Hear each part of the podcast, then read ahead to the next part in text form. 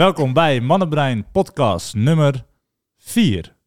Nu zeg ik het goed, hè? Ja. Ja, ik heb het hiervoor dus een paar keer fout gezegd. Dus daar moest het overnieuw. ja, je begon in het Spaans. Maar ik begon in het Nederlandse Spaans. podcast. Dat is Hola, heel bienvenido. Mannenbrein podcast numero 4. Hij kan Spaans. Yes. Ja, dat is wel mooi. Laurens die leest dus gewoon stripboeken en eh, stripverhalen in het Frans, Duits en Spaans. Ja. Correct toch? Waarom? Klopt. Ja, ja Om te houden. precies. Zeg maar, op de middelbare school leer je dus Ja. talen. En ik vond talen altijd super gaaf. Eh, maar ik wilde het daarna niet verliezen. Dus als een, eh, als een echte nerd ben ik daarna krantartikelen en, zo gaan lezen. maar daarna? Ja, Pokémon. Ja, Pokémon. ehm, ja, verschillende van dat soort manga's. Dragon Ball Z ook. Shin Shin. Ken je Shin Shin nog Ja. van vroeger? Daar zijn dus ook strips van, die ook. Harry Potter boeken, die zijn ook top om te lezen in een andere taal. Omdat het voor... Het is eigenlijk voor kinderen geschreven, maar ook weer niet. Het is ook voor volwassenen toegankelijk. Dus dat is eh, ja, zeker een grote aanrader. Zeker. Ja. Waar gaan we het deze keer over hebben, Lau? Nou, we gaan het ja, niet over die talenknobbel hebben, inderdaad. Maar we gaan het hebben over de eh, ja, datingcoaching, de ontwikkeling van datingcoaching. Van, nou, hoe is dat nou eigenlijk begonnen? Zeker natuurlijk, hoe is dat voor mannenbrein begonnen? En welke transformatie is daarin eh, gemaakt? En natuurlijk ook voor onszelf. Hoe zijn wij eigenlijk hier ooit mee begonnen? En welke transformatie hebben wij hier persoonlijk in gemaakt? Mhm. Dat is waar wij het over eh, gaan hebben. Een beetje meer algemeen niveau, datingcoaching itself en onze persoonlijke journeys daarin. Zeker. Ja. En alle dingen die daarbij komen kijken die ons geholpen hebben, maar ook van zien dat het andere mensen ontzettend helpt om dat liefdesleven te creëren dat ze heel graag willen. Precies. Ja, en eh, ja, volgens mij van ons drie ben ik wel de OG, om het zo maar te zeggen, qua geschiedenis Kun je in de even uitleggen wat OG betekent voor de mensen die dat niet weten? Ja, het- iemand die lang meegaat, laten we daar maar op Iemand die lang meegaat. Zeker. En. Eh, ja, ik weet nog heel goed dat datingcoaching echt een soort van doorbrak. En dat is allemaal begonnen ooit bij het boek The Game van Neil Strauss in 2005. Wat als je na, aan tien mannen vraagt, denk ik dat vijf mannen het kennen. In ieder geval van mannen 25 jaar en ouder, sowieso wel. Ja. Wat een, een boek was van een journalist die in de geheime wereld van pick-up artists dook. Oh ja. Oh. En Oh, God. dat Oh. was rond 2003. En toen bestond het echt alleen nog maar uit internetfora's. En het bestond uit een groep mannen die heel erg gefrustreerd was met vrouwen. En door middel van bepaalde systemen die ze hadden ontwikkeld, als het ware, leerden om aantrekkelijk gedrag te vertonen. Waarmee ze sommige vrouwen mee naar bed konden krijgen en vriendin konden maken. Heel kort, simpel, zwart-wit gezegd. En daar is toen een boek over geschreven, waardoor dat niet alleen maar een soort geheim internetfora was, maar het echt opblies. En daar zijn uiteindelijk heel veel verschillende bedrijven uit voortgekomen, die dus eh, vanuit old school een soort pick-up artist theorieën gaven aan mannen, zodat ze op vrouwen durfden af te stappen. En dat is hoe het ooit begonnen is. En daarvoor had je wel, ja, je had wel, eh, je had wel wat datingcoaches al, maar vanaf toen zou je echt kunnen zeggen van oké, vanaf dat moment was het een ding. Soort van meer mainstream en meer mensen wisten er vanaf.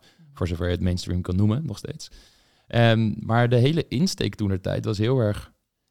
Oké, ik als man ben niet goed genoeg. Ik sta zeg maar laag met mijn status. En ik wil knappe vrouwen versieren die soort van boven mij staan. En op mannen vallen die eh, meer status hebben dan ik eigenlijk heb. Dus ik moet mij groter voordoen dan ik ben.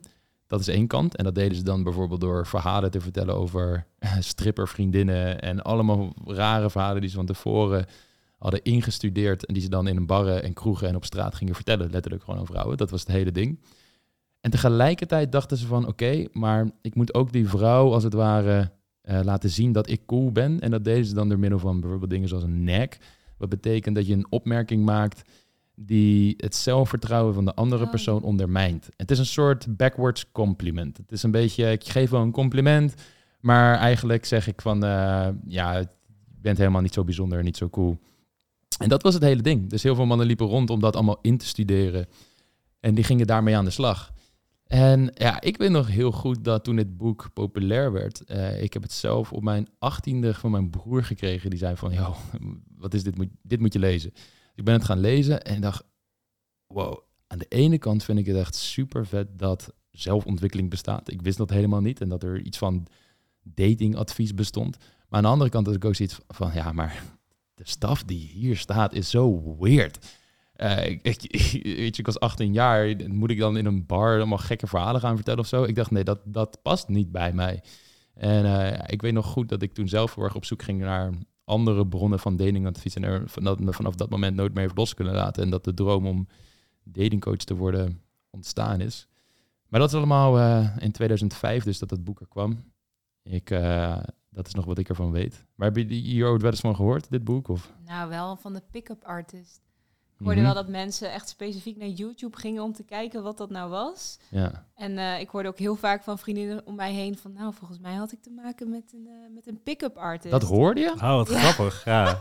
Ja, omdat het, heel, het was toen heel heftig of zo. Ik weet dat dat het bij ons heel erg speelde. En dat er dan weer echt zo'n figuur naar je toe kwam... en dan weer echt van die specifieke dingen gingen doen. Ja. Of inderdaad wilde verhalen ging vertellen. Of ja, wat je zegt, dat, dat die, iemand proberen oncomfortabel ook een beetje te laten voelen... en dan, Mhm. en dan daarna weer ehm, een compliment geven. Push Ja. and pull, ja. Ja, dat, nou ja, dat... eh, Mm, Toen Ja. dacht ik, nou, ik wil het wel weten wat het is eigenlijk. ja. Toen ging ik naar YouTube en toen ging ik eh, rond eh, kijken van, nou, wat is dat dan? Straks Hoe lang heb is dit geleden? maken. Nou, dat is wel echt lang geleden Tien jaar? voor mij. Tien jaar. Vijf. Ja, kan wel. Vorige week. Vorige. Ja.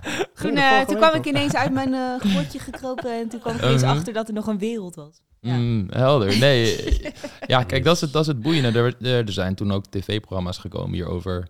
Eh, die Ja. heette dan ook de Pick-up Artist. Het was met eh, Mystery, zo heette die man. Die een van de grondleggers is van wat er toen gaande was van datingadvies voor mannen. En die ook in dat boek een eh, belangrijke rol speelt. Maar dat was echt wel een, een groot ding. En kijk, dat was dus heel erg gebaseerd op het idee van wij als man zijn niet aantrekkelijk genoeg. En wat gelukkig daarna kwam, is dat de markt zich ging ontwikkelen. Dus er kwamen nieuwe partijen die ook inzagen van... in de kern is het iets moois wat hier gebeurt, want je helpt mannen die bijvoorbeeld sociale angsten hebben of niet op een vrouw durven af te stappen, om meer sociaal te zijn en hun angsten te overwinnen en zich daardoor te ontwikkelen als persoon. Wat niet alleen voor hun goed is, maar ook voor hun uiteindelijke partner. Dat ze dan veel beter in staat zijn om met hun angsten om te gaan en niet meer zo'n sterke bewijsdrang hebben van, oh, ik moet laten zien dat ik ook vrouwen kan versieren of zo, want dat gebied van hun leven hebben ze als het ware afgesloten van, ja, dat kan ik nu en ik heb nu een fantastische vrouw, ik kan het laten rusten. Dus in de kern er, zitten er heel veel mooie aspecten aan. Alleen het advies dat gegeven werd, matchte niet met die boodschap.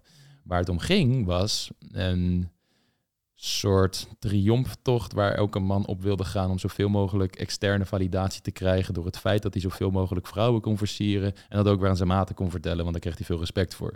En daar zag je dat daar een, een van de grootste bedrijven ter wereld toen der tijd omheen werd gebouwd. Dat heette RSD, Real Social Dynamics, waarin er heel veel mediaschandalen zijn geweest. Ik geloof allemaal rond 2014 hebben we het dan nu over. Waarbij een van de bekendste coaches van hun, Julian Blanc, dat is heel veel in de media geweest. Ehm, ik, volgens mij heeft Thierry Baudet daar zelfs ook nog Klopt. bij de Wereld Draait Door. De wereld draait door volgens mij met die eh, dame. eh, Ik, eh, het is lang geleden dat ik dat volgens mij heb gezien. Maar Nederlandse in ieder geval, presentatrice ook. ja, dus ook in de. Nederlandse media is dat in ieder geval heel erg bekend geworden en hebben ze het daarover gehad. En dat was echt nodig dat dat een keer opblies en dat daar veel heisa over ontstond. Omdat de adviezen die Julian Blanc gaf, eh, hij pushte zijn marketing veel te ver, veel te ver. Hij had een soort shock value marketing waarin die dingen deed zoals ehm, had hij een shirt gemaakt met Dis de Fatty. En dan had hij het over dat je, als je met een, op een vrouw moest afstappen, Oh. dat je dan haar dikke vriendin belachelijk zou kunnen maken. En, en Oh, allemaal, allemaal van dat soort, ja, veel te ver, echt walgelijke staf. Dus het was ook hoog tijd dat dat opblies en dat dat gelukkig werd eh geëxposed en werd aangepakt. En dat is een heel schandaal geworden. Maar het was ook allemaal een wake-up call. En daardoor, omdat het grote bedrijf daardoor wel flink instortte, heel veel aan marktwaarde, verlies, kwamen er andere partijen meer op die veel authentiekere, mooiere boodschap naar voren brengen. Van hey, eh, het gaat niet om een vrouw naar beneden halen of allemaal rare manipulatietechnieken, maar het gaat echt om jezelf ontwikkelen op een manier die win-win is. Zowel voor haar als voor jou. En dat is een soort van hele korte notendop van waar de datingadvieswereld voor mannen vandaan komt en waar ik zelf dan uitkom en wat ik allemaal gezien heb en noem maar op. En eh, ja, voor mij is het allemaal begonnen dus zeven, acht jaar geleden dat ik officieel dit als fulltime werk begon te doen. Maar vanaf mijn achttiende was ik hier al mee bezig. En dat is nog veel langer geleden. En eh, ja, dat is eh, waar het mannenbrein uiteindelijk ontstaan is. Datingadvies voor mannen. We kregen meldingen. Toen waren jullie allebei nog niet bij Mannenbrein. Van vrouwen bij eh, een ander bedrijf voor mannen, Attraction Gym. Die vertelde van ja, ehm, hebben jullie ook iets voor vrouwen? En toen hadden we een heel lullig e-boekje en toen zeiden van nou ja, laten we daar gewoon echt wat mee doen. Laten we hier echt induiken. Dus zijn we Mannenbrein gestart en dat is nu waar ik natuurlijk eh, zo goed als fulltime mee bezig ben. En nu zijn jullie hier. Oh, Yes. spannend. Mm. Ja. Maar ik ben, eh, ja, ik ken Laurens dus bijna vanaf de start vanaf Mannenbrein. Ik kwam niet veel later binnenwandelen. Nee, nu een jaar of vijf terug, hè? Ja, Inmiddels, ja. ja. En hoe was dat voor jou dan? Hoe ben jij ooit hiermee begonnen en hier in terechtgekomen? Ja, nou, ehm, het was in mijn geval zo, ehm, zeker toen ik ook op de middelbare school zat, was ik eigenlijk niet zo heel erg sociaal. Ik vond het best wel lastig om contact met mensen eh, te maken en al helemaal om contact met meisjes eh, te maken. En eigenlijk, nou, op een gegeven moment, als je dan naar de middelbare, op de middelbare school, als je rond een jaar 15, 16 of zo, ik, ik weet niet of jullie ook die fase hebben gehad, maar ga je naar van die feestjes. En bij de feestjes wordt dan voor het eerst ja, zeg maar echt contact gemaakt met eh, een Ja. dame die je leuk vindt. Weet je? En voor de dames natuurlijk vi- vice versa. En dat ging eigenlijk, als ik erover terugdenk, het gaat op zo'n soort van primitieve manier van eh, met, met dat schuren. Hebben jullie dat ook, ge- Ja. hebben jullie dat ook gedaan? Van, van, nou, er staat een, een, leuke dame op de dansvloer en je gaat schuren. Dat wil zeggen, je gaat achter de dansen. Haar vriendinnen die checken jou van oké, nou wat voor, eh, is hij leuk ja of nee? En als dat wel zo is, dan draait ze zich om en dan staan jullie te zoenen. Eh, maar heel simpel eigenlijk. Maar op een gegeven moment later, ja, dat schuren, dat gebeurde niet meer. En ging het echt om ja, contact leggen en gesprekjes voeren, dat soort dingen. En ehm, ja, ik was daar eigenlijk helemaal niet zo goed in. Ik was op de middelbare school ook heel erg eh, verliefd op een dame die een klas hoger zat dan ik. En eigenlijk alles wat je fout kon doen, deed ik fout. Maar toen was ik in de veronderstelling dat ik het juist hartstikke goed deed. Want ik, deed, ik zei allemaal hele lieve dingen eh, tegen haar. Ik deed allemaal lieve dingen voor haar. Ehm, als ze dan, hè, was ook in de tijd van MSN, als ze dan online kwam MSN en direct stuurde ik allemaal berichtjes. Dan zei ik allemaal super lieve dingen tegen haar. En, en ik had echt zoiets van, oh ja, dit gaat hartstikke goed, weet je. En toen op een gegeven moment eh, op mijn verjaardag, weet ik nog, had ik er ook via MSN had ik er eh, uitgevraagd. En toen kreeg ik de woorden terug die geen enkele man van een dame wil horen die die leuk vindt. En dat is, Laurens, ik vind je hartstikke leuk, maar ik zie je meer als vriend. Dus ik had echt zoiets van, ja, wat is hier fout gedaan? Wat, wat, wat heb ik hier fout gedaan? Wat is hier misgegaan? Eh, tot ik het me opeens besefte van, oh wacht, ik heb eigenlijk nog niet hard genoeg mijn best gedaan. Dus Oh. ik ging nog meer van hetzelfde doen. In de veronderstelling van dat dat zou werken. Want ja, weet je, dat is toch de boodschap die je meekrijgt, tenminste als, als man. Van ja, vrouwen willen dat je lief voor, voor ze bent, dat je, ze, hè, dat je die gentleman bent. Eh, in al die romantische films is het ook dat je uiteindelijk de, ja, de, de nerd, die krijgt de dame wel eh, als hij maar echt in zichzelf gelooft. En dan gaat het allemaal wel vanzelf goed. En, en dat is hetzelfde sprookje waar ik ook in geloofde. Eh, maar dat is helemaal niet goed gegaan. Dat is als een eh, ja, bom is dat helemaal uit elkaar gebarsten. En in latere eh, contact met dames kwam ik daar weer achter. De hele tijd als ik juist heel erg lief ging doen, of als ik juist heel veel aandacht ging geven, dan leek het wel alsof die dame alleen maar meer van me afging. En ik begreep helemaal niet hoe dat zat. En toen heb ik, eh, op een gegeven moment was ik met een, eh, een dame aan het eh, chatten en ze reageerde niet meer echt op mijn berichtjes, een beetje lauwtjes, terwijl ze eerst nog best wel enthousiast was. Eh, dus toen had ik gegoogeld, what to do if she doesn't text back. En toen kwam ik voor het eerst op YouTube kwam ik bij een bron aan datinginformatie. eh, van een eh, man, Jason Capital, die eh, heel af en toe doet hij nog wel eens dingen met dating, maar is een, nou, nu ook een grote ondernemer geworden. Eh, maar die ja, legde uit wat je dan moet doen. En ik hoorde het hem zeggen en ik dacht, wow, makes sense of zo. Maar het is ook zoiets wat ik, iets wat ik nooit eerder heb gedaan. Dus van, ja, hey, als je geen aandacht krijgt van die dame, weet je, laat het even lekker, ga iets voor jezelf doen, weet je, eh, leid je af, ga niet de hele tijd alleen maar focus, focus, focus op die dame. En toen dacht ik, wow, ja, eigenlijk zit daar wel wat in. En toen ben ik zijn tips ben ik gaan, gaan toepassen. En ook eh, tips van andere kanalen ben ik gaan toepassen. Precies wat jij zei. Hè? Dus inderdaad, toen het op eh Real Social Dynamics ook kwam, al andere, die, al, al, allemaal allemaal andere van dat soort bedrijven die dan ook toen opkwamen, ben ik eh, al die informatie op gaan slurpen en ook echt gaan toepassen. En ik zag dat het werkt. En aan het begin voelt het soms nog een beetje gek, want je bent een beetje een, een trucje aan het doen. Of weet je, echt gewoon tips ben dan aan het toepassen. En een soort van nou, tijdens het uitgaansleven of tijdens dates aan het uitproberen. Maar op een gegeven moment merk je dat het echt werkt en ga je ook beter voelen over jezelf. Je merkt ook dat je leuke interacties krijgt met vrouwen, leuke interacties krijgt met mensen.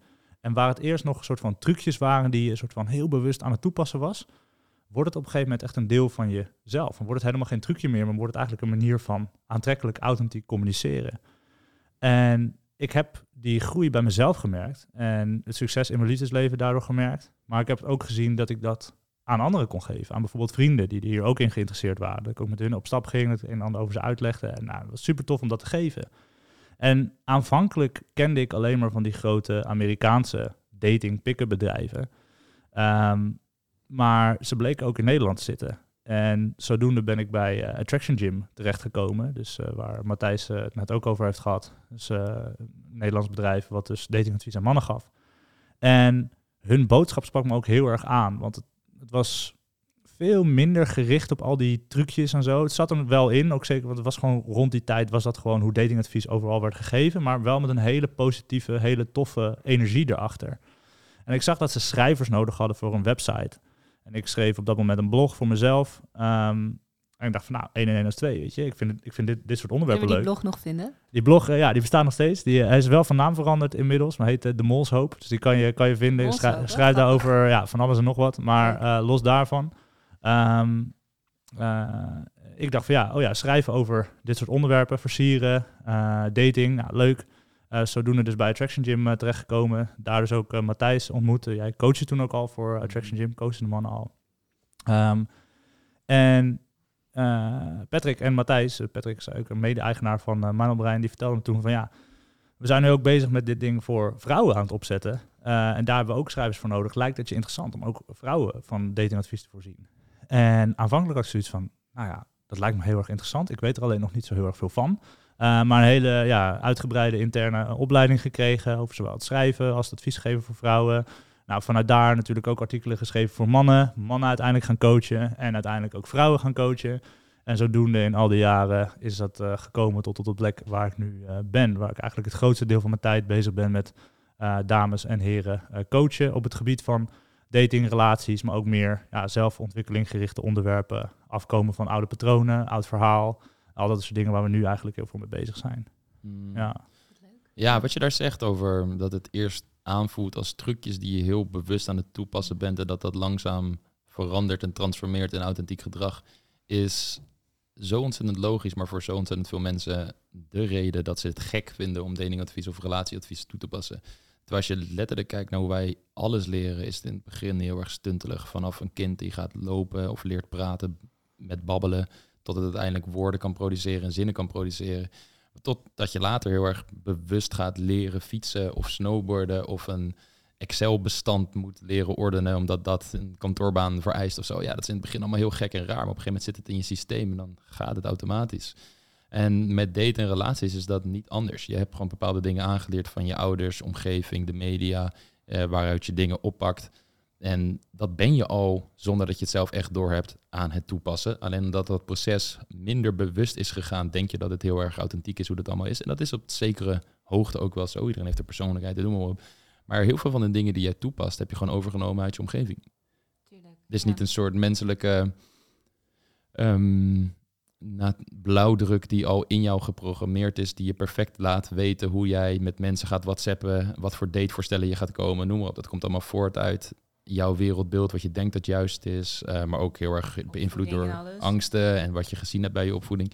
En dat is het uh, allermooiste, denk ik, van dit hele werk, is dat je mensen helpt om zoiets fundamenteels voor het leven, van hoe jij relaties aangaat met anderen, kunt helpen, om dat op een manier vorm te geven die echt heel veel ruimte ma vrijmaakt voor authenticiteit, eerlijkheid, liefde. In plaats van dat het heel erg gebaseerd is op ik doe maar wat en ik hoop dat het goed gaat, want ik wil niet alleen eindigen of wat voor motivaties jij ook hebt als persoon. Precies. En uh, ja, dat is uh, wat we vooral bij de mannen natuurlijk heel veel terugkrijgen. Dus van oké, het ging niet lekker met vrouwen for whatever reason. Uh, misschien durfde ik niet op ze af te stappen of misschien durfde ik dat wel, maar ik was gewoon te lief of te nice guy. Dat krijgen we heel veel. Dat is een hele bekende route. Maar um, Lisa, ik ben ook wel erg benieuwd naar jouw verhaal dan. Waarom je dating, ja, datingadvies en relatieadvies dan heel interessant vindt. Nou, hoe dat bij mij is begonnen. Um, ik kwam wel al een klein beetje soms uit een uh, ingewikkeld uh, gezin. En daarmee bedoel ik dat ik wel heel veel dingen al om me heen had gezien. En vooral ook dat het best lastig was om relaties aan te gaan. Um, ik zag wel wat dingen stuk lopen. En ik was gewoon heel erg nieuwsgierig van... hey, waar komt dat nou vandaan? En heel erg de honger naar... waarom zie ik andere mensen wel gelukkig worden in een relatie... Of, uh, en, en, en wat is dan eigenlijk dat verschil? Dus hoe kan het zo dat bij andere mensen het wel lukt En bij andere mensen dan weer helemaal niet. Nou, toen eh, merkte ik bij mezelf dat ik op jonge leeftijd zelf al wel heel erg nieuwsgierig was naar jongens. En ik vond ze heel erg interessant. En ik vond die communicatie uh, tussen ons dan ook wel heel interessant. Dus ja, ik begon me steeds meer af te vragen van... hé, hey, hoe kan ik nou iemand inpalmen? Of hoe kan ik nou die ene leuke jongen krijgen? Dus daar was ik ook Mhm. al heel erg mee bezig. Heel erg aan het kijken naar andere mensen, hoe die, hoe die dat natuurlijk deden. Ja, en zo ben ik er steeds meer naar gaan, over gaan opzoeken... en steeds meer naar gaan kijken, steeds meer over gaan vragen. En uiteindelijk ook steeds meer eh, bij vriendinnen om me heen gaan vragen van... hey, hoe doen jullie dat nou? Eh, heel erg eh, gaan nadenken over de problemen die ik tegenkwam. En eh, zelf ook heel erg gaan merken, want ik was echt... Ik was heel goed in het begin om, eh, om te flirten, dat, daar was ik heel goed in. Maar om het dan verder door te zetten, om echt naar een relatie te komen... dat vond ik altijd heel erg lastig. En dan liep Mhm. ik altijd tegen bepaalde problemen aan. En ik begreep nooit zo goed waar dat dan vandaan kwam. En ehm, ja, uiteindelijk, eh, door het steeds meer te gaan leren en te gaan opzoeken, kwam ik er wel steeds meer achter. En zo is het ontstaan. En toen dacht ik, nou, dit wil ik eigenlijk ook aan andere mensen meegeven. Mhm. En toen kwam ik hier terecht. Toen- Jee. Ja, Ja. Ja. ja, ik denk dat dat ook wel een verhaal is. Ja, wat, ik zie altijd een soort van twee verhalen van vrouwen die bij ons komen. Eentje is, het lukt inderdaad op zich wel met mannen, maar ehm, echte relaties, daar loopt het gewoon de hele tijd spaak. Of je hebt ook gewoon vrouwen die gewoon echt de hele tijd verkeerde kerels tegenkomen. Überhaupt weinig mannen die met hun op tweede of derde date willen. En nog in een veel vroeger stadium al, als het ware al. ja vooral die afhaken. inderdaad, om, om, om in te haken, vooral die verkeerde kerels, ja. Mm. Ik had wel heel erg de neiging om toch een beetje op van die, eh, zoals andere mensen het omschrijven, emotioneel onbereikbare mannen te vallen. En dat vond ik dan ook heel erg interessant. En, en die vraag die ontstond ook steeds meer bij mij van, hey, waarom blijf ik tijd spenderen in mensen die mij blijkbaar helemaal niet zo interessant vinden of vanaf het begin? En ben ik juist iemand die als iemand wel heel veel interesse in mij had, dus als Laurens bijvoorbeeld heel erg lief tegen mij zou zijn geweest, Stel, hè, stel. Stel dan, Ja. stel dan. Ja, dan, dan vond ik dat niet interessant. Maar uiteindelijk kon ik dat ook terug gaan koppelen naar op hoe ik was opgevoed en wat ik natuurlijk ook om me heen had gezien. Mm. En toen dacht ik ineens, oh ja, ik begrijp, ik ben dit gewoon niet gewend. Uiteindelijk kwam het erop neer dat ik niet gewend was om te zien ehm, hoe echt een gezonde relatie zich ontwikkelt en hoe je dan op een gezonde manier met elkaar omgaat. Dus ik, ja, ik zocht toch een bepaalde soort van ja, gekkigheid of problematiek in de relatie, wat voor mij misschien enigszins normaal zou zijn, omdat ik gewoon heel veel turbulente relaties om mij heen zag. Dus dan dacht ik, nou, dan moet dat wel echt de liefde zijn. En dan is dat lief zijn, ja, dat is voor mij heel erg onbekendbaar, eh, on- onherkenbaar. Dus dat is dan gek. En dan denk Mhm. je, ja, oké, maar ergens voel je wel dat je dat wil, maar ja, ja, hoe, hoe, ja hoe, hoe ga je dat, ja, hoe ga je dat zoeken? Hoe ga je dat vinden als je het niet weet? Ja, ik ben wel benieuwd daarover. Kijk, hoe ik het zelf ook zie, is het bijna als een soort telefoonverslaving of dopamineverslaving. Dat mensen zo erg gewend zijn aan de adrenaline-kick of dopamine-kick van... oh, de spikes in de relatie en oh, het gaat nu niet goed. Maar het brengt in ieder geval zoveel emoties los... waar mijn hele systeem op afgesteld is dat ik dat moet voelen... omdat dat is hetgene wat ik ben gewend. Dat als je dan een man ontmoet met wie het gewoon wat meer stabiel is en veilig is... dat je dan alsnog die frictie gaat creëren... omdat je die spikes ja. gewoon wilt. En dat zit gewoon echt ook in je systeem.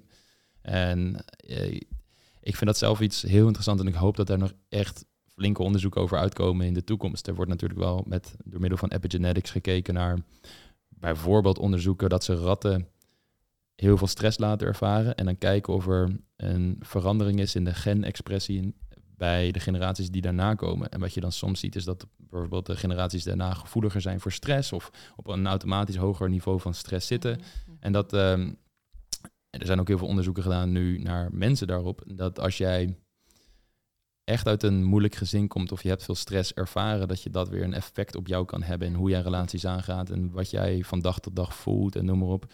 En gelukkig door middel van epigenetics weten we ook dat er een, waarschijnlijk een kans is dat je de, die effecten ook weer kan verminderen Ja. door de juiste dingen te doen. Er is heel veel trauma-onderzoek op dit moment wat er naar gedaan wordt. Eh, Van de Kolk heeft daar een prachtig boek over geschreven, eh Traumasporen in het Nederlands, waarin hij dingen aanraadt die eh, daarin kunnen helpen.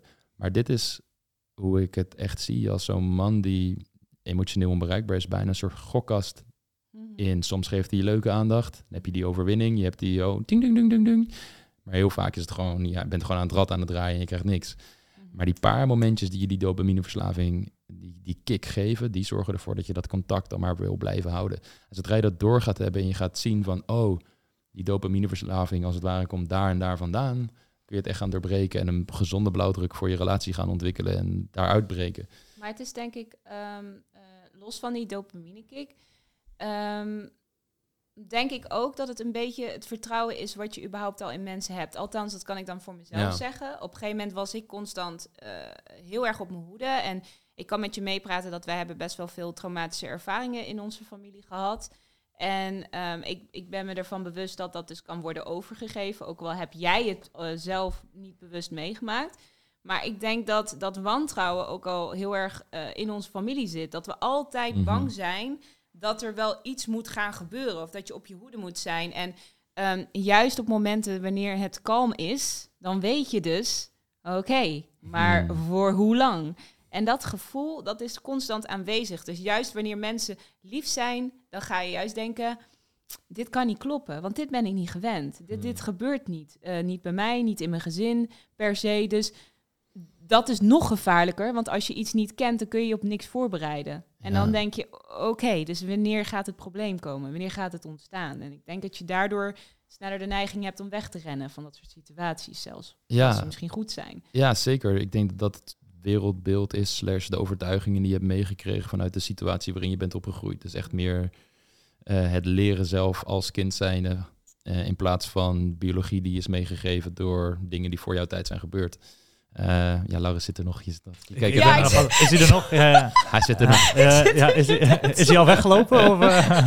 ik zei net iets over hem. Ik zit inderdaad te wisselen. Ik denk, hey, ben, ik ben er nog altijd, jongens. Ja, Ja, zeker. Ah.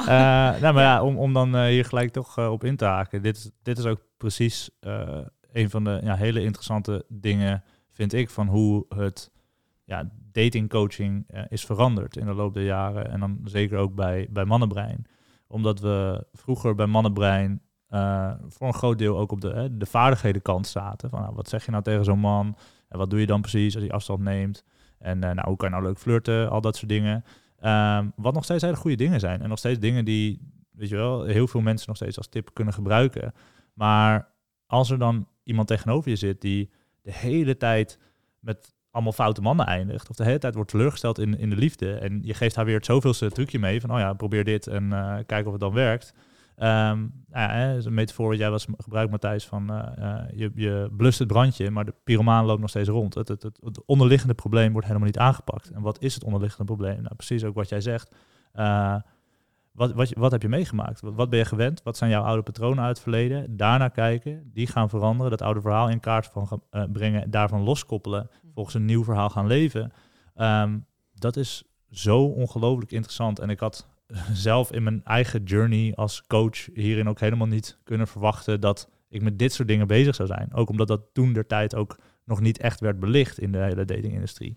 Maar dat dat nu wel gebeurt, is denk ik echt iets ontzettend goeds. En ook iets heel moois om te zien dat mensen die komen dus voor bepaald eh, ja, datingadvies of advies in de liefde, komen ze naar ons. En eh, nou, niet alleen krijgen ze dat advies, maar ook nog eens een keer een hele persoonlijke ontwikkeling mee. Waarin ze zichzelf ook heel erg goed leren kennen en afkomen van oude patronen die zij niet meer dienen.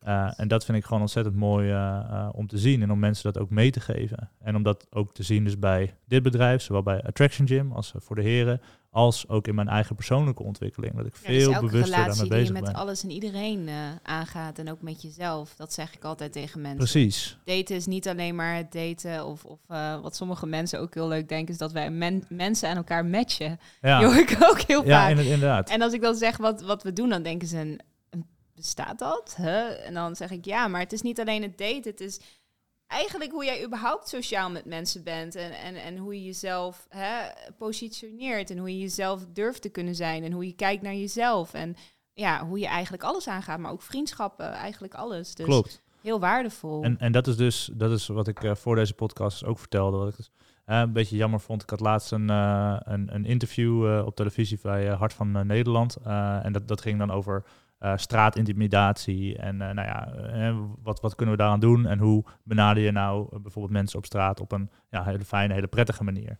Ehm, ja, en ze hadden mij daarvoor gevraagd, omdat ik dus ook zelf uh, mannen- en vrouwencoach. Nou, daar heb ik wat over gezegd, was ontzettend leuk om te doen. En die present presentatrice, voordat uh, het item begon, die zei van, uh, ja, we, we, hebben Laurens gevraagd. Hij is datingcoach. ja, die bestaan echt, datingcoaches. En dat ik dacht, ja, het is eigenlijk, eigenlijk jammer dat ze dat zo erbij moet zeggen, van alsof het iets heel geks is. En ik kan me voorstellen van, oh ja, datingcoach inderdaad, veel mensen, ja, die kennen het niet, of het is nog een beetje, het klinkt een beetje apart. En wat doen die dan precies? Mhm. Ehm, maar het is zo mooi, deze vorm van coaching, omdat het veel meer is dan alleen versiertrucjes, flirtzinnetjes, dat soort dingen leren. Maar dat je mensen dus echt die persoonlijke transformatie meegeeft. Als je echt gaat kijken naar, hey, wat zijn jouw patronen? Hoe kom jij in deze situaties terecht? En vooral, hoe breek je er weer van los? En dat dat iets is uh, wat ik heel erg veel mensen zou aanraden. Um, juist omdat voor veel mensen de liefde nog altijd iets blijft wat vrij ongrijpbaar is of zo. Van, oh ja, het, het gebeurt gewoon en ik eindig dan met deze persoon en dan, eh, weet je wel, eh, en, en, en, dan komen er opeens problemen. Maar ja, dan leven mensen ook weer in dat soort veronderstellingen van, ja, maar als je maar echt in de liefde gelooft, dan, dan komt het allemaal wel goed en zo. En dan eh, komen we er wel uit. Terwijl, ja, er allemaal patronen, allemaal gedragingen actief zijn die jou en je partner in je relatie helemaal niet helpen. En het is helemaal niet gek om daar wat hulp bij te vragen en daar bewuster van te worden. En uiteindelijk, net zoals dat je uh, bijvoorbeeld je carrière zou fixen door daar bepaalde dingen in te doen, trainingen in te volgen, cursussen te doen, dat je dat ook in de liefde kan, kan doen en nog steeds op een hele authentieke manier, zonder dat het ja, gek wordt of alleen maar om trucjes gaat. Ja, zeker. Ja. Dat is ook het mooie, denk ik, van het datingcoach en het relatieadvies.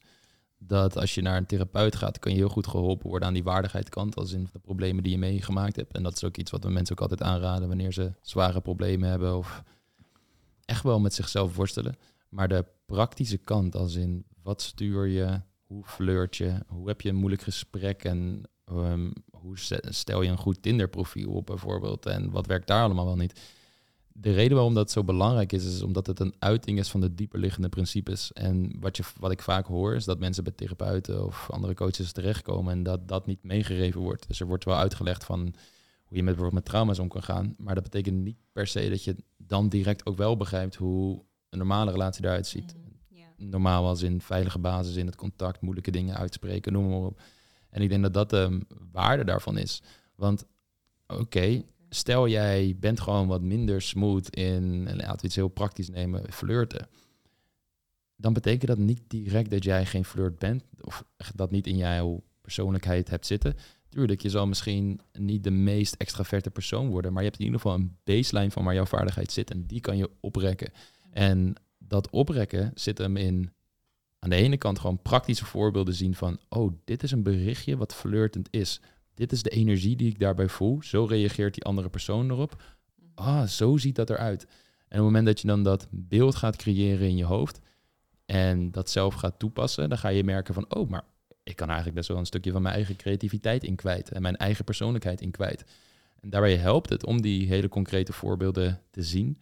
En vervolgens, wanneer je dat, dat gaat toepassen, kan het ook weer wat met je zelfbeeld doen. Want je komt erachter van, oh, dat hele zelfbeeld dat ik gecreëerd heb van vrouwen of mannen vinden mij wel leuk als vriend, maar ze zien me nooit als uh, echt een partneroptie, omdat ik die gevoelens niet bij hen kan losmaken. En opeens krijg je wel een paar van dat soort reacties van vrouwen of mannen. En dan verandert dat zelfbeeld en kom je erachter dat je allerlei overtuigingen met jezelf meedraagt al heel je leven lang, die waarschijnlijk in de realiteit niet eens juist zijn, maar je hebt ze nooit getest en nooit de middelen gehad om, om daarmee aan de slag te gaan. Dat is volgens mij het mooie van het hele werk, dat we mensen dus als het ware door iets super praktisch af en toe heel diep weten te raken. En de transformaties die we, af, die we zien, vooral bij de mensen die langer bij ons lopen, die zijn af en toe echt fantastisch.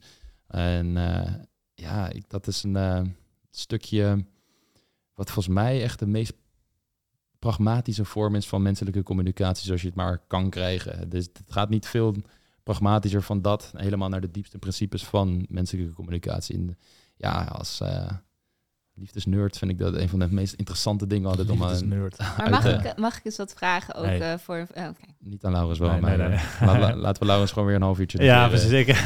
ik blijf weer gewoon stil. Ja, ja. Nee, Lies, maar ik kan het ook tuurlijk. aan jou vragen. Lies, je mag gewoon ik wat vragen. vragen. Ik altijd een vraag en, uh, en ik ben heel erg benieuwd naar jullie antwoord uh, daarop. Jullie, jij mag ook meedoen hoor, Lau. Oké, okay, oké. Okay. Ja, oké. Okay. Wat, wat, ja. Ik ben heel benieuwd wat de vraag is. nee, um, wat is nou het verschil hè, eh, tussen naar een psycholoog gaan of naar een datingcoach gaan? Ja, dat is echt een supergoeie vraag. Ja, het is, Oh, dank je. ja, ja, de- aan de ene kant heel veel verschillen en aan de andere kant eh, ja, ook weer heel veel overeenkomsten. Ik zal er maar heel snel een paar droppen.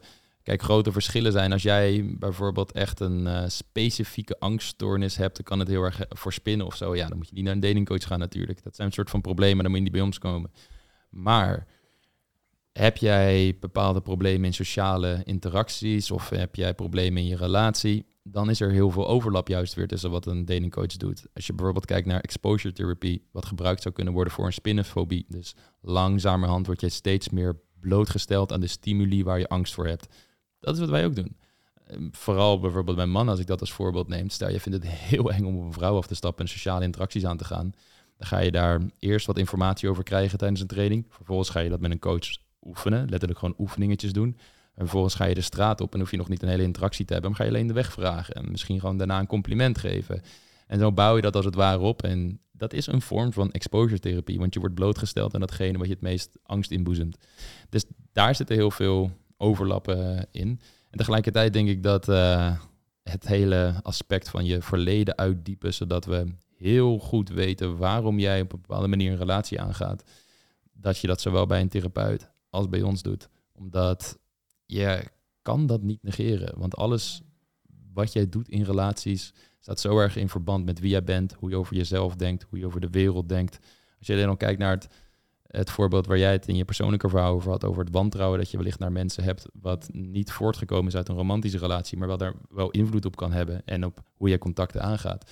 Dat is zo met elkaar verweven dat een goede datingcoach of relatiecoach daar altijd naar moet kijken. Zeker. Ja, ja en in, in, in mijn optiek, zeg maar, als je hulp gaat zoeken, er zijn natuurlijk heel veel verschillende wegen naar Rome en heel veel verschillende manieren die, die helpen, die elkaar in het ideale geval ook versterken.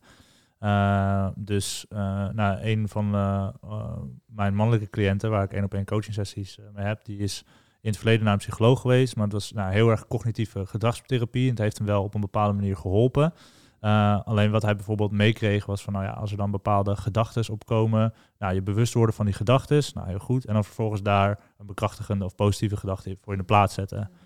Um, nou, dat, op zich is dat iets wat hè, bewezen uh, heeft gewerkt en ook zeker kan werken. Maar ik vroeg hem van, oké, maar, maar wat doe je dan met het gevoel? Want oké, er komt een bepaalde gedachte omhoog, er zit waarschijnlijk ook een gevoel bij. Dus, hè, dan had hij al beschreven, nou, een onzeker gevoel. En wat, wat doe je daar volgens mee? Want je kan wel die gedachten gaan veranderen, maar met het gevoel gebeurt helemaal niks. Nou, en dat is bijvoorbeeld iets uh, wat wij dan in onze coaching doen, loskoppelen van het oude verhaal. Dus mensen ook laten doorvoelen middels meditaties, visualisaties, dat gevoel herkennen, daarvan loskoppelen. Iets wat hij in die vorm van therapie niet heeft gekregen. Maar er zijn natuurlijk andere vormen van therapieën waar dat wellicht uh, meer gebeurt. Of bijvoorbeeld als ik, als ik iemand tegenover me heb zitten die uh, echt een hele zware traumatische ervaring heeft meegemaakt, een, een hele specifieke zware traumatische ervaring, dan uh, is het natuurlijk ideaal als hij hulp krijgt van een therapeut die bijvoorbeeld EMDR kan geven. Uh, dus uh, verwijzen we dan zo iemand ook daar naartoe om, om, om die hulp ook te zoeken. Dus er is niet iets van, van oh ja, dit moet je hebben en dat is 100% the way. Er zijn heel veel verschillende manieren om uiteindelijk ja, gewoon te groeien als persoon. En dat is wat je wil. En ik denk dat wij als datingcoaches heel veel tools en heel veel principes aan mensen kunnen aanreiken waarvan mensen normaal gesproken zouden denken, oh ja, oh, dan moet je voor naar een psycholoog of misschien zelfs een psychiater of zo. Terwijl uh, wij dat ook doen en wij dat ook op een hele praktische manier kunnen doen. En aan de andere kant, als er bepaalde gespecialiseerde hulp nodig is, dan ja, graag, weet je, uh, uh, sturen wij die mensen dan ook weer, weer daar naartoe. En zo krijg je eigenlijk een heel netwerk van hulp wat jou bekrachtigt, wat jou helpt groeien, net waar jij behoefte aan hebt, net waar jij het meest van kan groeien. En daarom denk ik dat het elkaar ook allemaal in het ideale geval juist heel erg versterkt. Ja. Daarbuiten zelfs heb je nog natuurlijk dingen. Je hebt, we hebben het nu over de reguliere zorg. Dan uh, heb je het over coaches, wat al meer op over liefde gaat. Maar daarbuiten heb je natuurlijk ook dingen die wat alternatiever zijn. Uh, denk aan ayahuasca-sessies, tot zweethut, tot um, ja, wat, wat er ook allemaal daarbuiten is. Maar ook hele praktische dingen, zoals gewoon een nieuwe vaardigheid leren of een marathon gaan rennen.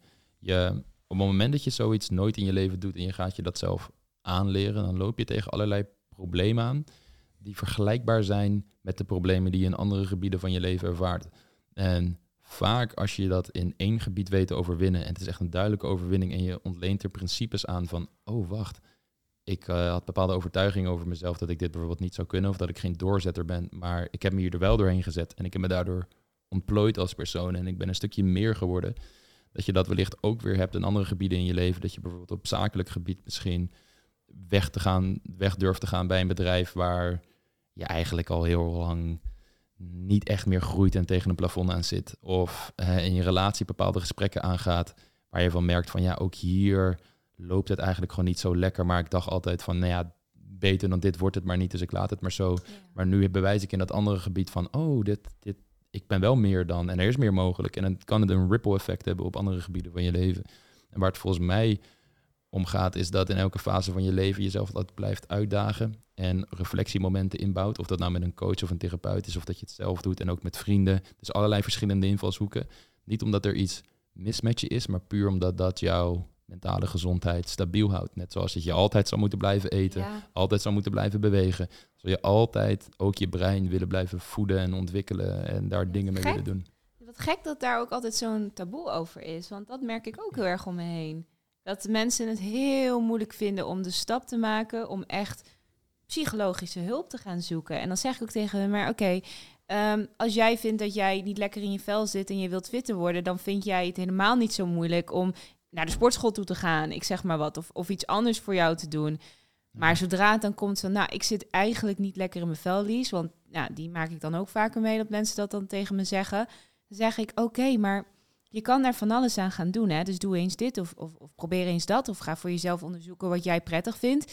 En dan zeg ik, oh, dan zeggen ze, oh nee, dat ga ik echt niet doen hoor. Ik ga echt niet, nee, ik ga niet naar een psycho. Dat, dat, dat, dat past niet bij mij, dat hoort niet bij mij. En dan denk ik, waarom is dat taboe zo heftig? Waarom, waarom, waarom, wat is dat voor iets? Wat, waarom hebben jullie daar een idee over waarom dat zo is? Ja, ik denk, kijk, sowieso, uh, je hebt hier meerdere verklaringen voor sowieso blijft het natuurlijk, dus bijvoorbeeld sportschool is iets heel erg meetbaars en iets heel erg grijpbaars. En vaak mhm. is mentale gezondheid en mentale uitdaging waar mensen mee zitten minder of, of niet. Bijvoorbeeld, en, in de liefde is dat helemaal zo. Hè? Dus het voorbeeld dat ik al net gaf van, van oh ja, maar uh, ja, het, het hoort eigenlijk gewoon te gaan zoals het gaat, toch? Of weet je wel, als ik maar hard genoeg mijn best doe, dan, dan, dan gaat het wel goed. Een soort van dat sprookje, romantisch sprookje waar mensen in geloven. Terwijl, ja, het is gewoon een vaardigheid. En zo is dat met mentaal mentale gezondheid is dat ook. Dat is ook een vaardigheid, ook iets wat je op kan bouwen. daarnaast, mensen krijgen natuurlijk ook uh, heel veel van hun uh, mentale bagage, maar ook blokkades, ook weer mee van hoe ze dat vanuit hun uh, jeugd en van hun, vanuit hun ouders hebben meegekregen. Dus als je bijvoorbeeld vanuit je ouders al ja, hebt geleerd van hey, ja, je moet dingen zelf oplossen. Of weet je wel. niet over gevoelens. Nee, inderdaad. Of inderdaad, dat er gewoon niet over gevoelens werd gepraat of niet echt bij werd stilgestaan. Dan ja, dan, uh, oh ja, een, psycholoog, ja, wat, wat gaat die dan doen? Of wat, wat moet ik daar dan mee? Of zo, weet je? Of, of dan automatisch denk van, oh, maar dan, dan, dan zal er wel echt iets mis met mij zijn. Of, of dan ben ik wel gek of zo. Terwijl, ja, dat, dat is geen zins het geval. Je hebt gewoon met bepaalde dingen heb je hulp nodig. Net zoals dat je met andere uh, facetten in je leven ook uh, ja, hulp nodig hebt. Um, En grijp dat vooral aan. En, ja. en, en, ik vind het juist heel stoer als je dat, uh, als je dat doet. Weet absoluut absoluut. Dat je dat durft, dat je gewoon in, je, in jezelf durft te graven en dat je, dat je daarheen gaat. Ik vind dat dat uh, juist meer toegejuicht mag worden. En dat mensen juist mogen zeggen van, hé, hey, ik vind juist stoer dat je, dat, je die, dat je die stap zet. Ja, en ik, en ik denk, voor mij de norm worden. Ik, ik denk dat, dat, dat dat wat je daar noemt over naar jezelf toe gaan, dat ook wellicht ook wel een van de blokkades is die mensen voelen. Van, oh ja, tegen de tijd dat je dat ook echt gaat doen, een bepaald verantwoordelijkheid nemen om echt naar jezelf, naar je eigen patronen te kijken. Uh, is niet makkelijk. maar denk je dat dat ook um, dat verschil uh, heel erg tussen mannen en vrouwen vind ik ook wel interessant. Uh, je merkt dat mannen er meer moeite mee hebben om dat soort dingen dan toe te geven dan dat vrouwen misschien doen. Hoe kijken jullie daarnaar? Ja, kijk, er zijn wel onderzoeken naar gedaan en aan de ene kant wordt er gezegd van mannen praten sowieso lastiger. En het is ook heel duidelijk dat er ook heel veel culturele normen en waarden in zitten. Dat het voor mannen minder wordt gevalideerd om over je gevoelens te praten vanaf een jonge leeftijd. Iedereen kent wel de voorbeelden van, oh jongetje valt, niet huilen, grote jongen zijn. Uh, en op een meisje wordt anders gereageerd. Dus dat is zeker een aspect wat daarbij bij speelt. Maar ik denk over het algemeen, wat Laurens ook zegt, is dat er hele sterke culturele normen en waarden in onze maatschappij, in alle maatschappijen, westerse maatschappijen zitten, waarin het um, inderdaad een beetje een taboe ding is. En dat je voor jezelf heel goed moet uitmaken van oké, maar neem ik die normen en waarden altijd maar klakkeloos over? Of durf ik ook te kijken wat voor mij als individu het juist is? En kloppen die normen en waarden nog wel bij de tijd waarin we leven? Ik, ik- je wordt gek aangekeken als je 10 push-ups doet bij een bushokje, maar een peukje roken is normaal. Mhm. En Ja. dat zegt volgens mij alles over hoe dat niet alle normen en waarden jou dienen. En er zijn ook heel veel normen en waarden die natuurlijk wel dienen. En als we die allemaal zomaar los zouden laten, zou onze maatschappij instorten. Maar ehm, daar gaat sowieso een shift in komen. En volgens mij wordt het al normaler om over emoties te praten, ook voor mannen. Ehm, zie je steeds meer coaches, steeds meer mensen die hier ook over delen, ook op socia- sociale media. Maar tegelijkertijd, je gedachten zijn zo intiem. Het is volgens mij het meest intieme wat je bij je kan dragen. En als daar dingen niet lekker in zitten en je moet dat gaan delen met iemand, dan laat je licht schijnen op delen van jouw realiteit die wellicht nog nooit door iemand anders zijn gezien. En ik denk dat met lichamelijke dingen, ja, tuurlijk, je kan het verbergen onder kleding en zo. En dus dat, dat kan ook wel. Maar je, die gedachtes, je weet gewoon van ja, als ik het niet uitspreek, komt nooit iemand erachter. Nee. En dat is denk ik eh, waardoor nog veel meer mensen dat nog meer bij zich willen houden. Ook van ja, dit is eh, gek en raar en er zit schaamte dan omheen. En dat ik ben dan anders als de rest. En ik denk dat het gevoel van niet anders willen zijn dan de rest ook een hele grote rol erbij speelt. Omdat dat weer allerlei eh, dingen in ons triggert. Dat we bang zijn buiten de groep te vallen. Bang zijn dat mensen ons geen aandacht en liefde en zomaar willen geven, want jij bent dat gekkie. Dus er zitten heel veel variabelen omheen. Maar ik denk hoe meer mensen laten zien dat het oké is. En dat het gewoon normaal is om dat te delen. En dat het goed is voor de maatschappij aan zich. En niet alleen voor jou, maar voor iedereen.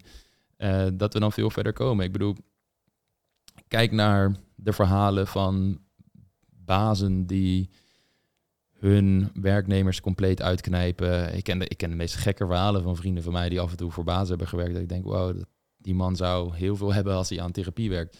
Maar um, omdat ze bijvoorbeeld succesvol zijn en ze, en ze zo vastroesten in van nee, maar dit is gewoon de manier hoe het hoort te zijn. En het past bij het, en het past bij het plaatje van succesvolle man uh, of succesvolle, uh, überhaupt succesvol mens in onze maatschappij, denk ik dat uh, daar een shift in plaats moet vinden van nou, laten we even iets meer kijken naar emotionele intelligentie en hoe de, hoe de relaties aangaan met andere mensen. En dat het voor iedereen veel beter is. Al zouden mensen daar meer aan, aan werken en meer mee doen. Ja, ja. ja het, is, het, is, het is wel mooi dat het in bepaalde onderdelen van de maatschappij daar gelukkig inderdaad ook een hele grote shift in is.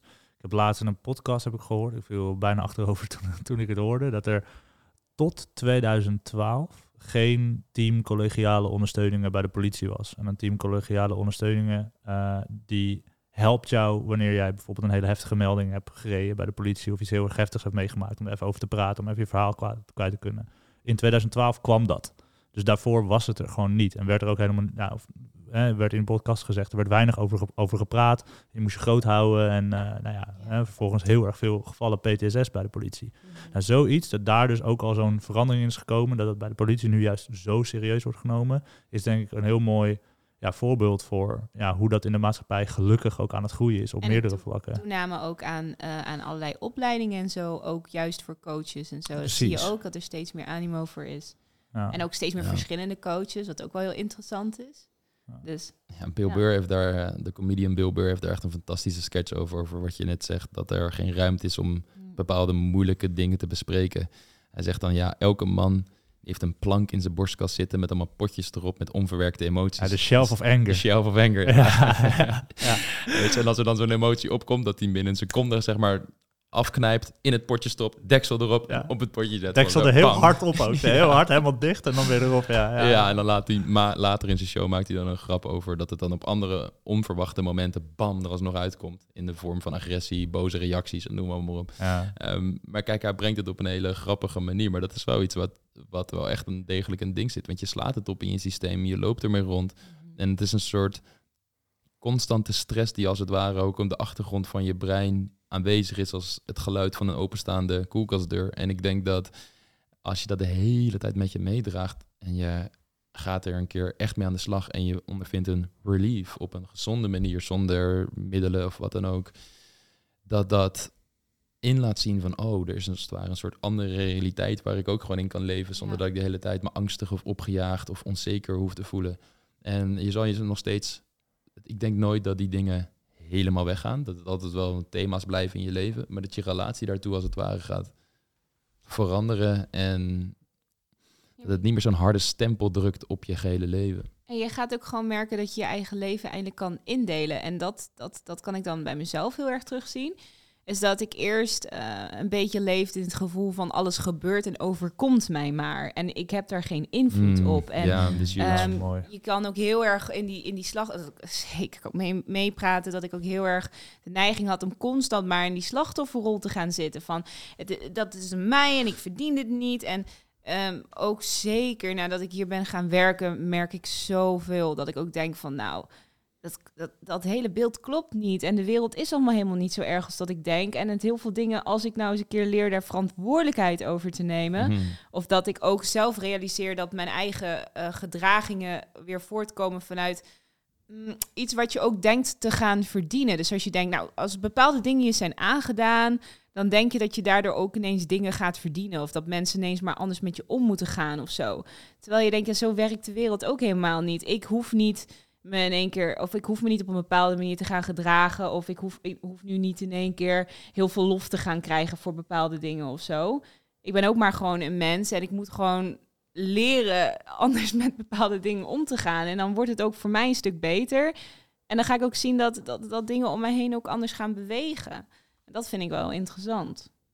Ja, ja, absoluut. Dat is een van de allereerste dingen die je in de hele zelfhulpindustrie volgens mij hoort. Van eh, oké, neem verantwoordelijkheid voor je leven. Want dat is het startpunt van alles. En als je dat niet neemt, dan is er geen enkele beweegreden binnen jou om informatie op te gaan zoeken die je kan helpen. Om naar je- jezelf te kijken en te denken van oké, dit en dit wil ik aan mezelf veranderen. Want dat ligt toch allemaal buiten jouw cirkel van invloed. Zoals eh Stephen Ja. Covey dat zo mooi zou zeggen. Ja. ja, en dat is inderdaad heel fijn ervan. Dat je gewoon, je, je bent niet meer zo'n dwarrelend blaadje in de wind, maar je hebt gewoon controle over verschillende facetten in je leven. Controle over je werk, controle over je financiën, controle over je vrije tijd, over je sociale leven, over je liefdesleven. En met controle betekent niet dat, je, dat het allemaal gaat zoals jij wilt. Dat je, joh, nee, nee, dat niet. Maar wel dat jij de verantwoordelijkheid pakt en dat je weet wat je daarin kan doen om al die facetten in je leven ja, zo fijn en zo prettig mogelijk voor jezelf te maken. Ja, en dit is dus wel eh, iets interessants. Ik, jullie checken het helaas niet, maar eh, ik ben op dit Ik check moment het helaas eh, de niet. je dat? bachelor. Ja, jullie de- checken het helaas niet. Verdomme. schat. Nou, Nou, ik checken.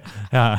Ah, nee, ik zou niet per se aanraden om het te gaan checken. Nee, nee, nee, nee. Ik eh, vertel het wel gewoon. En dan is De, het, de Bachelor, ja, da- daar doe jij dingen mee, hè? de Bachelor België ben ik op dit Ah, moment aan het kijken.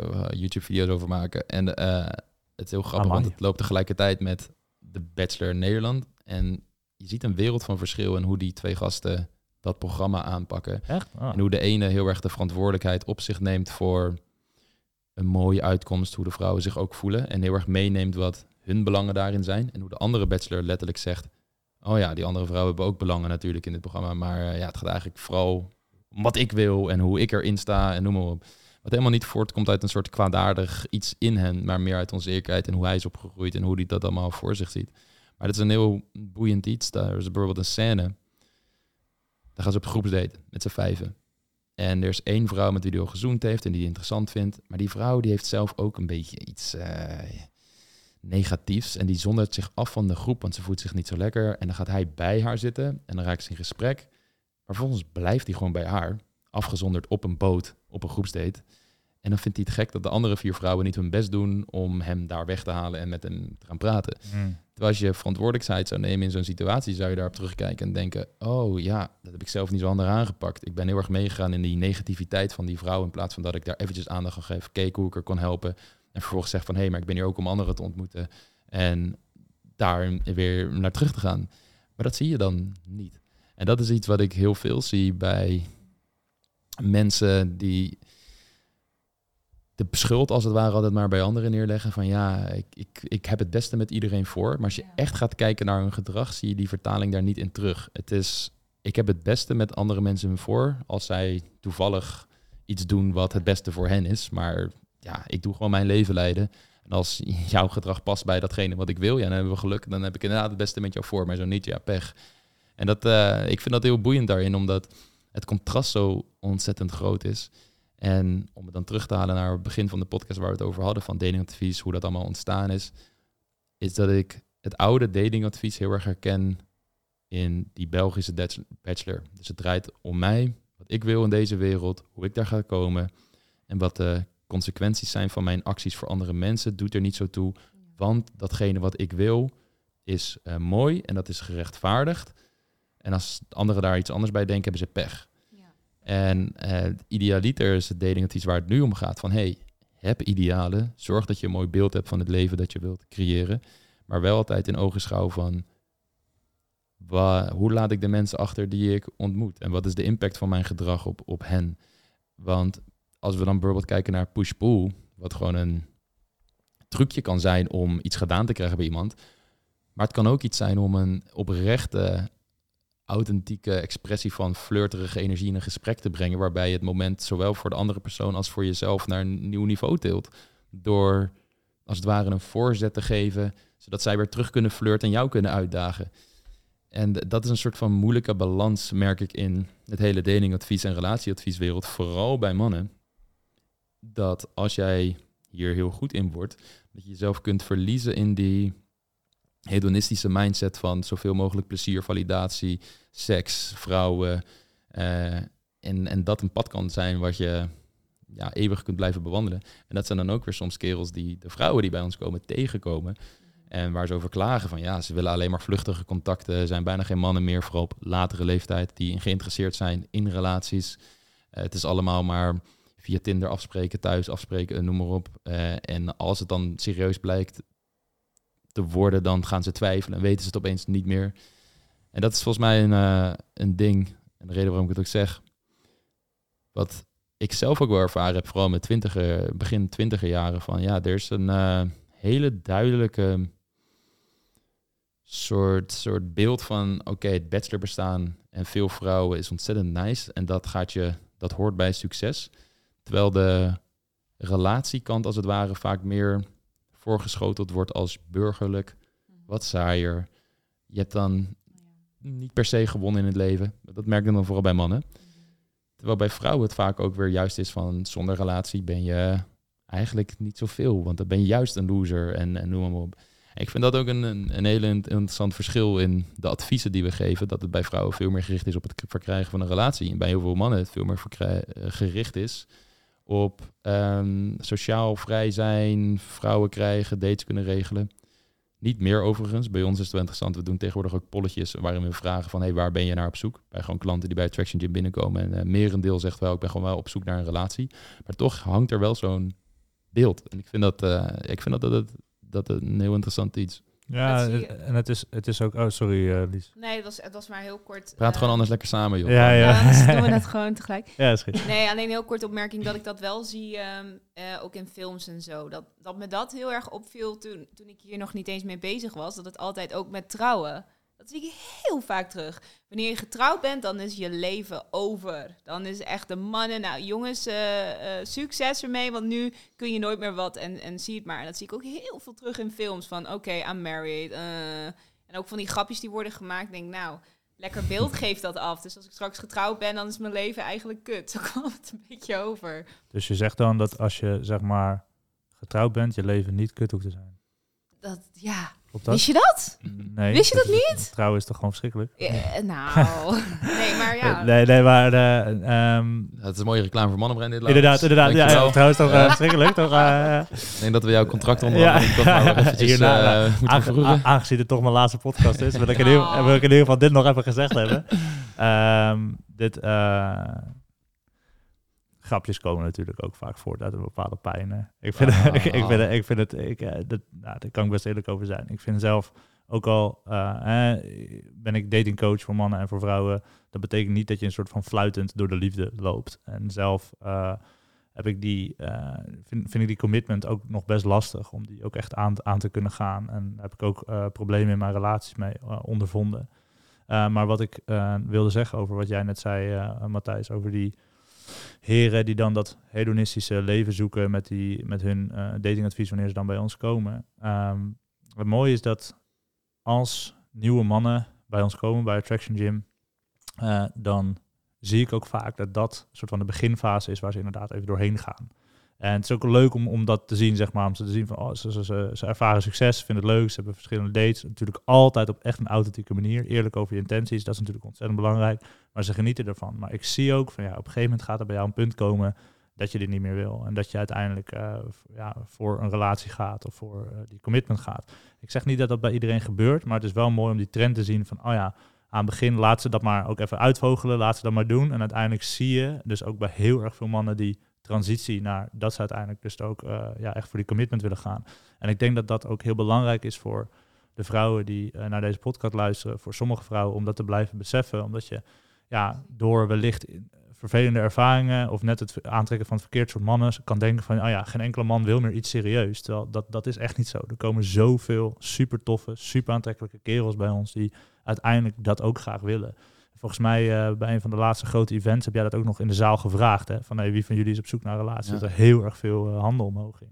Ja, het is goed als dus, iedereen uh, stond op voor ze om op te staan. En op oh, een ja, enkeling precies. naam stond een zaal van 200 mannen, bijna iedereen op. Ja. En dat is ook wel een, een ding wat de meeste mannen ook wel beseffen als je echt met ze gaat praten. Is dat ze nog steeds een vrouw willen met wie ze kunnen chillen. Gewoon op de banken, gewoon een film kunnen kijken. Maar ook gewoon een maatje hebben met wie ze leuke dingen kunnen doen. Met wie ze een gezin kunnen opbouwen. En het, het beeld is niet zo zwart-wit gelukkig inderdaad dat mannen daar niet meer naar op zoek zijn. Maar ik denk dat het bachelorbestaan een sterkere marketingcampagne heeft op een manier dat in de wat mannelijkere films, typisch mannenfilms, kijk in romcoms is het duidelijk, elke man die uh, wil een relatie daar. Uh, maar in de wat mannelijkere films, ja, dat zie je toch wel vaak het bachelor bestaan. Uh, ja, je bent een groot James Bond fan bijvoorbeeld, Laurens. Juist. ja, het is pas sinds kort volgens mij dat hij een soort wel echt vastere vorm van relatie had, volgens mij. Right? Klopt, klopt. Nou, ja, ook niet echt goed. nog, geloof ik. Nee, nee, nee. Dus en, en zeg maar alle relaties die die dan aanging, die, die gaan ook altijd mis. In de zin van, van ja, Hmm. daar, daar, daar gaat gewoon iets heel erg fout. Of die, die vrouw die gaat dood, dat soort dingen. Terwijl, ja, gewoon James Bond, hoe de meesten hem kennen, die womanizer, heel veel verschillende vrouwen, kortstondige eh, relaties. Klopt. En dat is natuurlijk inderdaad een heel groot voorbeeld Ja. van een soort mannelijke action hero.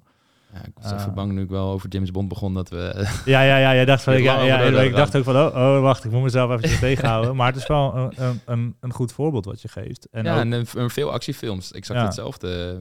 Dat gebeurt gewoon on- ontzettend veel. Maar, maar los van soort van de media, om dan die de grote boeman te maken, zo is het ook niet. Maar als je gewoon al kijkt naar vriendengroepen, hoe er echt onderling bij mannen gepraat wordt, de meeste mannen. Als iemand met veel vrouwen gaat, dan is het vaak wel van, ah, smooth. Of eh, eh, wordt met veel bam, veel ja, bravo, een soort van over verteld van, oh kijk, mij is hier goed in zijn en, en daar wordt er heel veel validatie uit gehaald. En ik vind dat een heel interessant iets om te zien, omdat ik altijd heel erg benieuwd van, oké, hoeveel daarvan is nou echt cultuur, hoeveel daarvan is gewoon hoe mannen en vrouwen nou eenmaal zijn. En mijn antwoord is toch wel, volgens mij zit er ook wel echt ontzettend veel cultuur aan vast, wat hopelijk een keer ook een beetje gaat shiften, omdat ik denk dat het voor niemand echt goed is dat die boodschap heel hard ge- gepromoot wordt. Ehm, maar de, dat is iets eh, wat eh, wellicht op de lange termijn eh, voor onze kinderen uiteindelijk ooit gaat gebeuren. Maar ik zie dat we om nu nog heen wel heel langzaam gaan. dat onze zoon straks met elkaar van, oh, heb jij een relatie? Ja, ja super gelul, lekker man, lekker bezig. Ja, relatie. Hoe lang zijn jullie al samen? Tien jaar. Wow, tien jaar, nice. Ja, dat, dat, dat dat de norm wordt. Dat het ook een beetje gelijk getrokken wordt. Als in, eh, nu nog heel veel verschil is natuurlijk tussen mannen en vrouwen. En dat je natuurlijk ook wel weer ziet dat er heel veel vrouwen zijn die juist heel erg willen genieten. Mhm. Maar die dan daardoor ook nog steeds wel echt een stempel krijgen. Wat ik ook nog steeds jammer vind. Want die discussie heb ik heel vaak gehad. En nou kan ik eh, zelf ook wel eerlijk zijn. Nou, ik ben eh, wat dat betreft best, best wel een beetje een hartebreker geweest. Oh. Ik hield wel... Nee, wat zeg je nu? Ja. Ik hield Oh. wel van, eh, van het spelletje en van, van even mijn leven leven, om het maar zo te zeggen.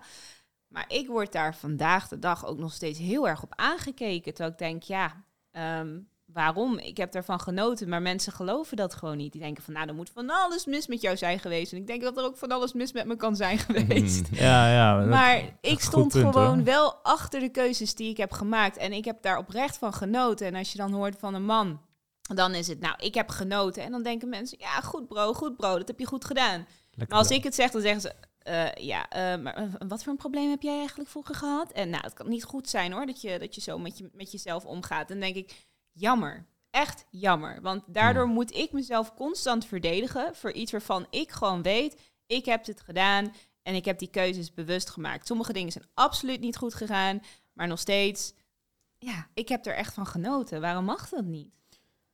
Ja, ja daar, zit, daar zit ook nog ontzettend veel cultuur aan vast. En natuurlijk Ja. zijn er mensen die al snel biologische reden aandragen van ja, maar als vrouw ben je dan zwanger, dus je eh, hebt een groter risico, waardoor het belangrijker is voor jou om één partner uit te kiezen met wie je dan een stabiele relatie op kan bouwen. En, dat is- en daar zit natuurlijk ook heel veel waarheid in. Op het moment dat je aan kinderen begint, ja, hel ja, zorg ervoor dat je relatie stabiel is en dat dat helemaal klopt.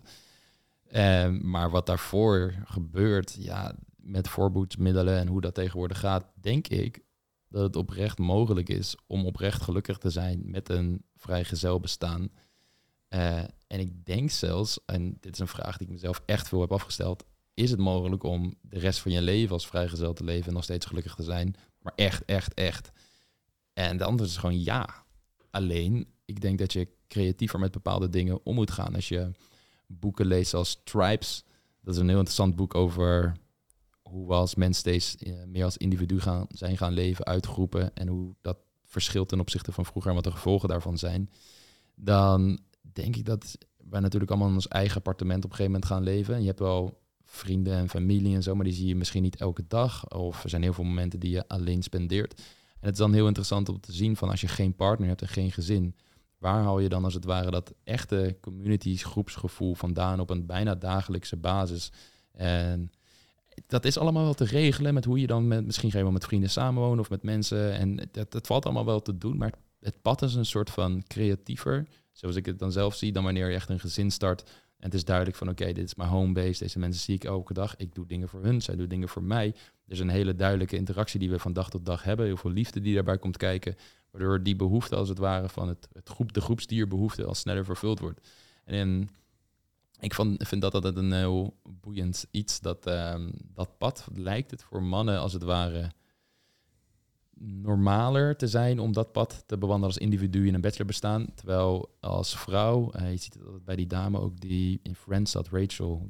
Eh, volgens mij heeft ze een paar relaties gehad en huwelijken zelfs, maar die zijn gestrand en dat wordt dan echt als een mislukking gezien. Terwijl George Clooney Ja. is geen mislukking. Nee, nee, gezien dat hij nee. niet meer single is. Ja, ja, ja, maar die, dat wordt gezien als van ja, dat heeft hij goed gedaan. Heeft veel jonge vrouwen, heeft eh, dit en dat. Ja. Eh, dus dat beeld is zo anders Scheef. nog steeds. Ja.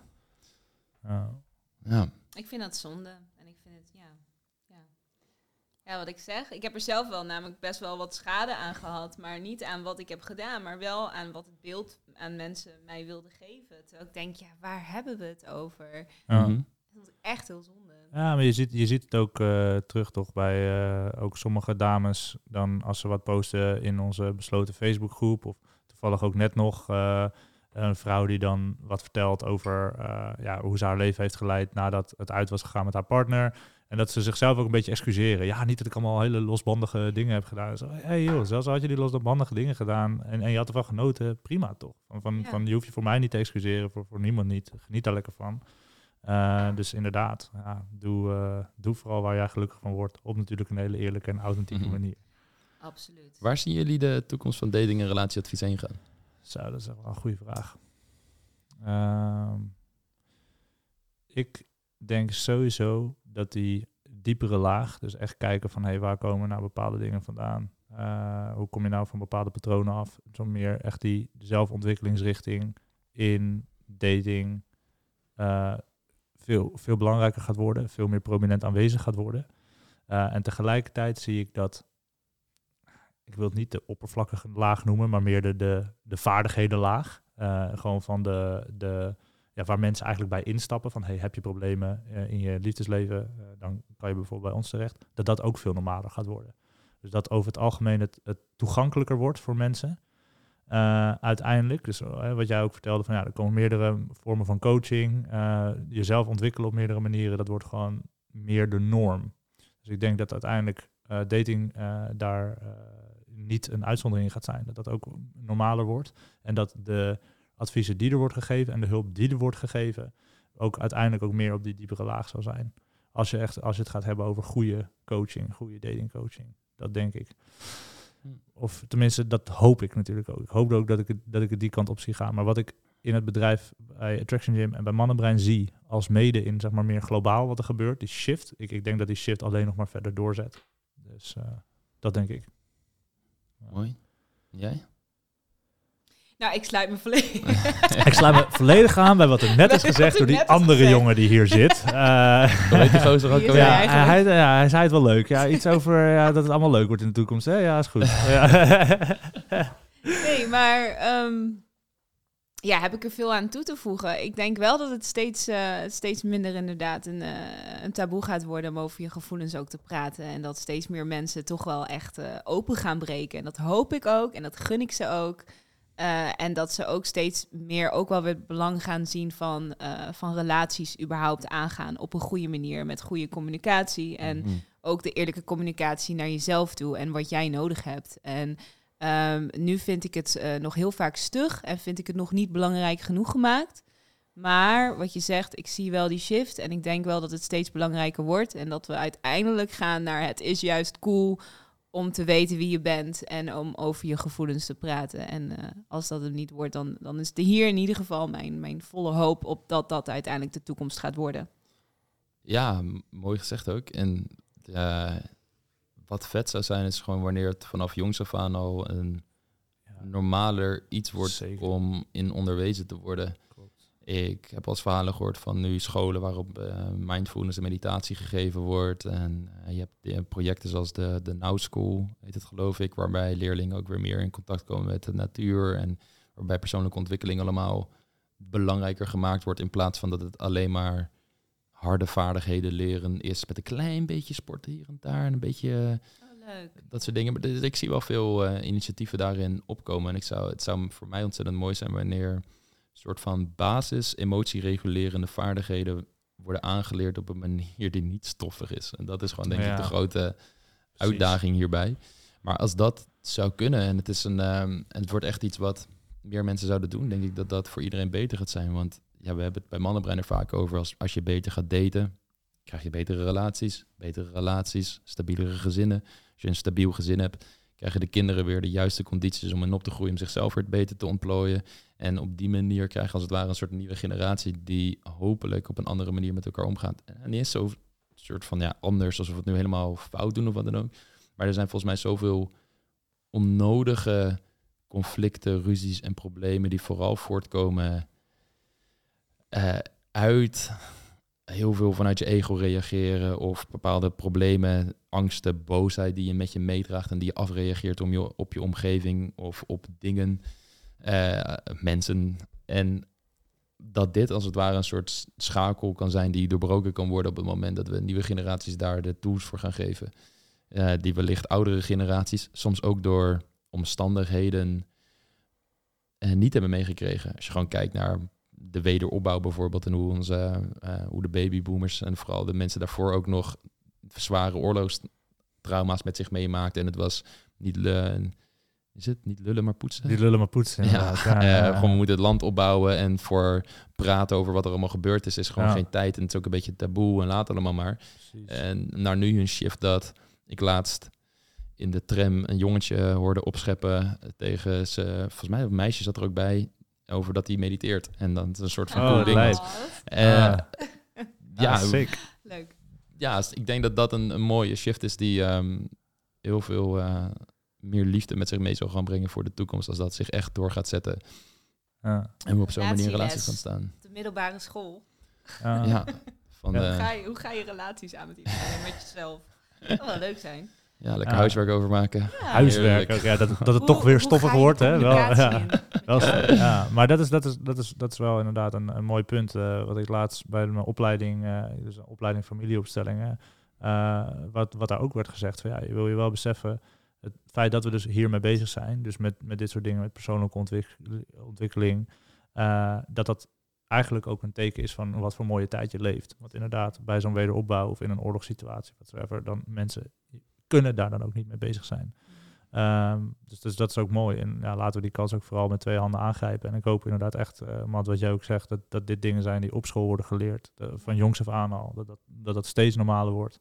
En dat we daarmee uh, ja, gewoon heel veel hele mooie groei bij mensen kunnen creëren. Dat die dat weer kunnen doorgeven aan volgende generaties. Dat, dat is wel een, eh, een heel Nou, scholen die doel. luisteren, Ja, precies. bel ons.